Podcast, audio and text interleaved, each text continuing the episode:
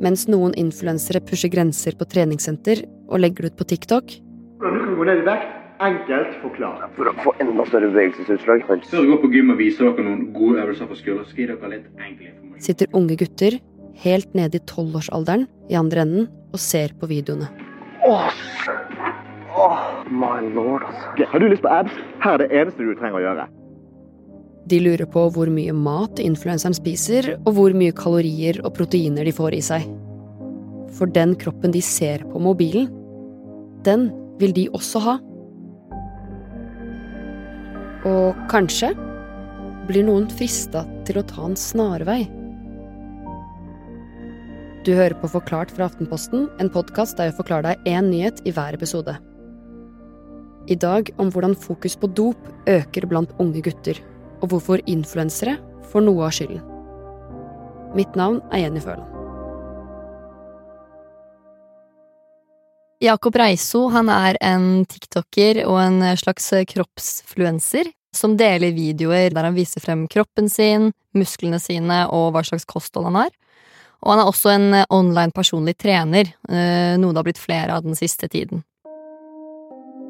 Thelma Katinka Klevan er journalist i A-magasinet og har fulgt med på disse kroppsfluenserne de siste månedene.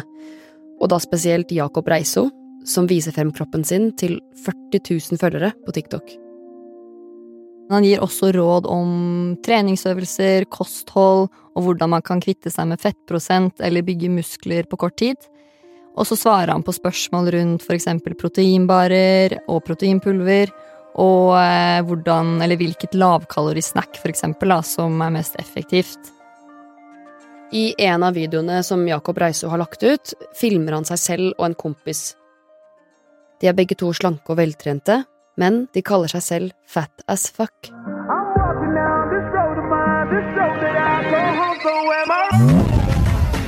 I videoen så hopper vi fremover til etter fem måneder på diett. Og nå er musklene mye mer markerte, og de står backstage til en fitnesskonkurranse. Kroppen er sprayet med fake tan, og blodårene de stikker ut. Dette er jo bare én av mange slike videoer han eh, deler på kanalen sin, men han legger også ut eh, videoer eh, av andre ting enn trening, for eksempel der han spiser burger eller fester eller er med venner da, og på en måte skeier litt ut. Hva slags type videoer er det som er mest populære, da? De der han eh, flekser backstage på fitnesskonkurranser, eh, og samtidig gir råd, eh, for eksempel slik får du store skuldre, eller slik får du markert sixpack.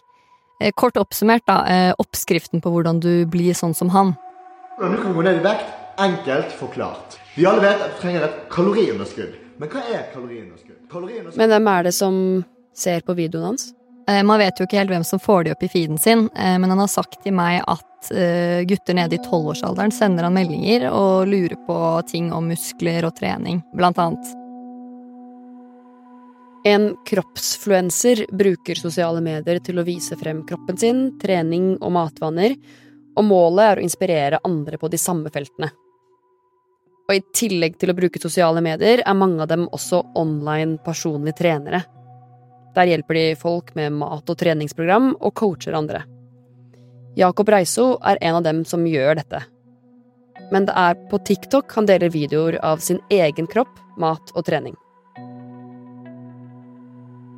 Det er jo vanskelig å se helt hva som er appellen, eh, men folk i kommentarfeltene skriver ting som sjef og kongen og eh, hvor mange år har du trent, noe som viser at mange ser opp til ham. Og så har han jo sagt til meg at han er inspirert av eh, andre influensere som Andrew Tate, altså de som er litt kontroversielle, da. For å være helt tydelig, så er det måten Tate snakker til mottakerne sine, og hvordan han får frem budskapet sitt, som inspirerer Reiso. Og han sier selv at han er uenig i det Tate sier og mener. Og han vet at for å få oppmerksomhet så må han være kontroversiell, og er selv veldig bevisst på å legge inn det drøye først i videoen. Eh, han sa selv at han er jo klar over at unge har kort attention span. Men Thelma, det Reiso driver med, får jo også en del kritikk. Hva er det de sier? Eh, Kritikken går jo på at eh, influensere som ham mater inn i det som lenge har vært problemet med sosiale medier og unge. At man viser topptrente kropper og går i detalj om antall kalorier og mengde mat man spiser. Noen fagfolk eh, mener at videoene sjelden fokuserer på treningsglede eller det å ha det bra med seg selv, og at de kun handler om endring av kropp og utseende, altså at du ikke er bra nok som du er. Kritikk mot sterke og perfekte kropper på sosiale medier er jo én ting, og det er for så vidt ikke et nytt problem. Men hva skjer når kroppene føles umulig å oppnå på en naturlig måte?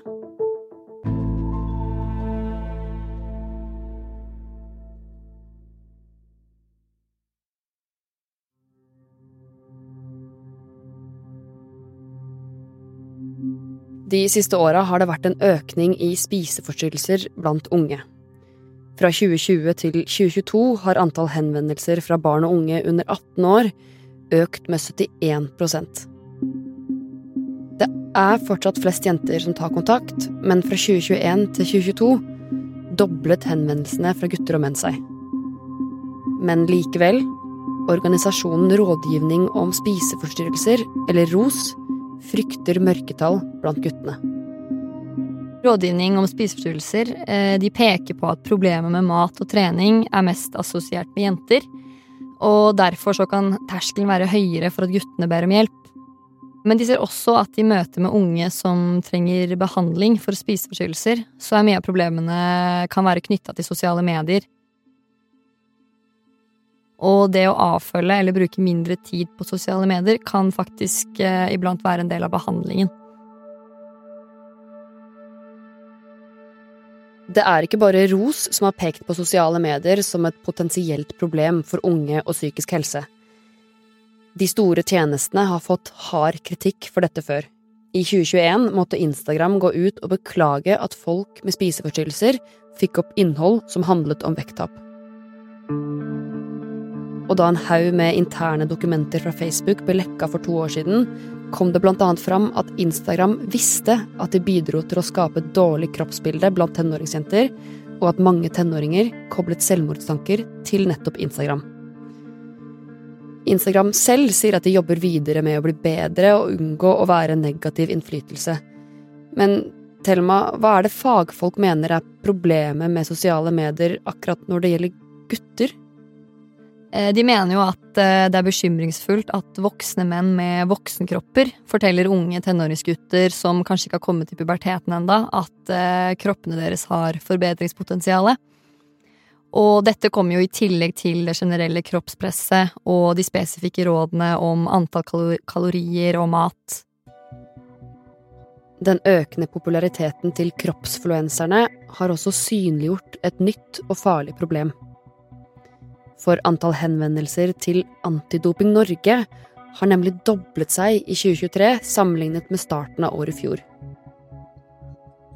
De som tar kontakt, er mellom 14 og 24 år, og de yngste blir det flere av. Spørsmålene de får inn fra gutter nå, er mer konkrete enn før om antall kalorier, fettprosent eller særlig effekten av konkrete prestasjonsfremmende midler, da, som eh, de har blitt tipset om på sosiale medier. Og eh, det folk lurer på, speiler ofte hva som trender, eller hva en influenser har sagt er siste skrik i sosiale medier. Og de sier også at eh, idealkroppen ikke lenger er den typiske actionhelten med store store boblete muskler, nå skal man være muskuløs, markert og symmetrisk, men samtidig se naturlig ut. Og det gjør det også vanskeligere å se hvem som doper seg. På informasjonskanalen ung.no svarer fagfolk på spørsmål som ungdom har. Og her kommer det spørsmål om alt fra pubertet, seksualitet og alkohol, men også ting som førerkort og lekser. De fleste spørsmålene som stilles her, er fra jenter, men det er ett tema som skiller seg ut. 75% av spørsmålene som blir sendt inn om doping, er eh, fra gutter. Kompisen min har begynt å bruke anabole steroider. Jeg vil begynne på trembolon. Egentlig vurderer jeg litt å begynne med steroider. Hvordan kan han ta det tryggest mulig? Thelma, hva er anabole steroider og trembolon for noe? Det er egentlig dop som man bruker for å få større muskler og for å prestere bedre på trening. Antidoping Norge mener det er veldig motstridende krefter på sosiale medier. Eh, på en side så får unge høre at de må være kildekritiske, og samtidig så bruker de flere titalls timer i uken på TikTok, der algoritmene er vanvittig flinke til å plukke opp eh, sårbarhetene deres. Så hvis du titter på videoer av trente og solbrune kropper som snakker varmt om et prestasjonsfremmende middel, så vil du få mer av det. Men Thelma, er det de kroppsinfluensernes feil at unge gutter er så opptatt av doping? Forskere mener at man må være forsiktig med å tillegge disse influenserne denne feilen. Eh, de poengterer at det ikke er noe tvil rundt at videoene som deles gjennom TikTok og andre sosiale medier, forsterker kroppsfokuset, men de peker på at influenserne selv kanskje kan være ofre for det overdrevne kroppsfokuset i samfunnet vårt. Men dette er ganske annerledes i for eksempel USA. Der vokser fenomenet natty or not på sosiale medier, altså natural or not. Man kan annet se en fyr som drar rundt på treningssenter i USA og spør folk om de er natty or not. Han kaller seg for Kenny Coe på TikTok. Mange av de han møter, forteller historier om å dope seg, at de har slutta nå, eller at de er midt i det. What do you think, bro? I'm 22. You're 22 years old? Really? That's it? Der har det på en måte gått så langt at eh, influenserne roses for å være åpne hvis de forteller at de bruker steroider. Så der er det ikke like tabubelagt lenger. Her hjemme snakker vi også mye om doping i treningsmiljøet, og i kommentarfeltet til de norske kroppsfluenserne dukker også spørsmålet om natty or not opp. Men Jakob Reiso sier selv at han er imot doping og ikke doper seg for å få resultater. Han sier selv at han er blitt mer bevisst på at han har en ung målgruppe, og at han blant annet eh, viser frem at det er greit å feste og spise junkfood, og at du ikke trenger å leve helt ekstremt for å få resultater. Men hva slags tiltak ble gjort for at dopingtrenden ikke skal vokse i Norge? Eh, Antidoping Norge de reiser rundt på skoler og snakker med ungdom om eksempel kildekritikk, lærer dem om doping, og de jobber generelt for et dopingfritt samfunn og en ren idrett. Men dette er jo ikke et problem med en veldig enkel løsning, så jeg tror nok at denne trenden og denne debatten vil være med oss en stund til.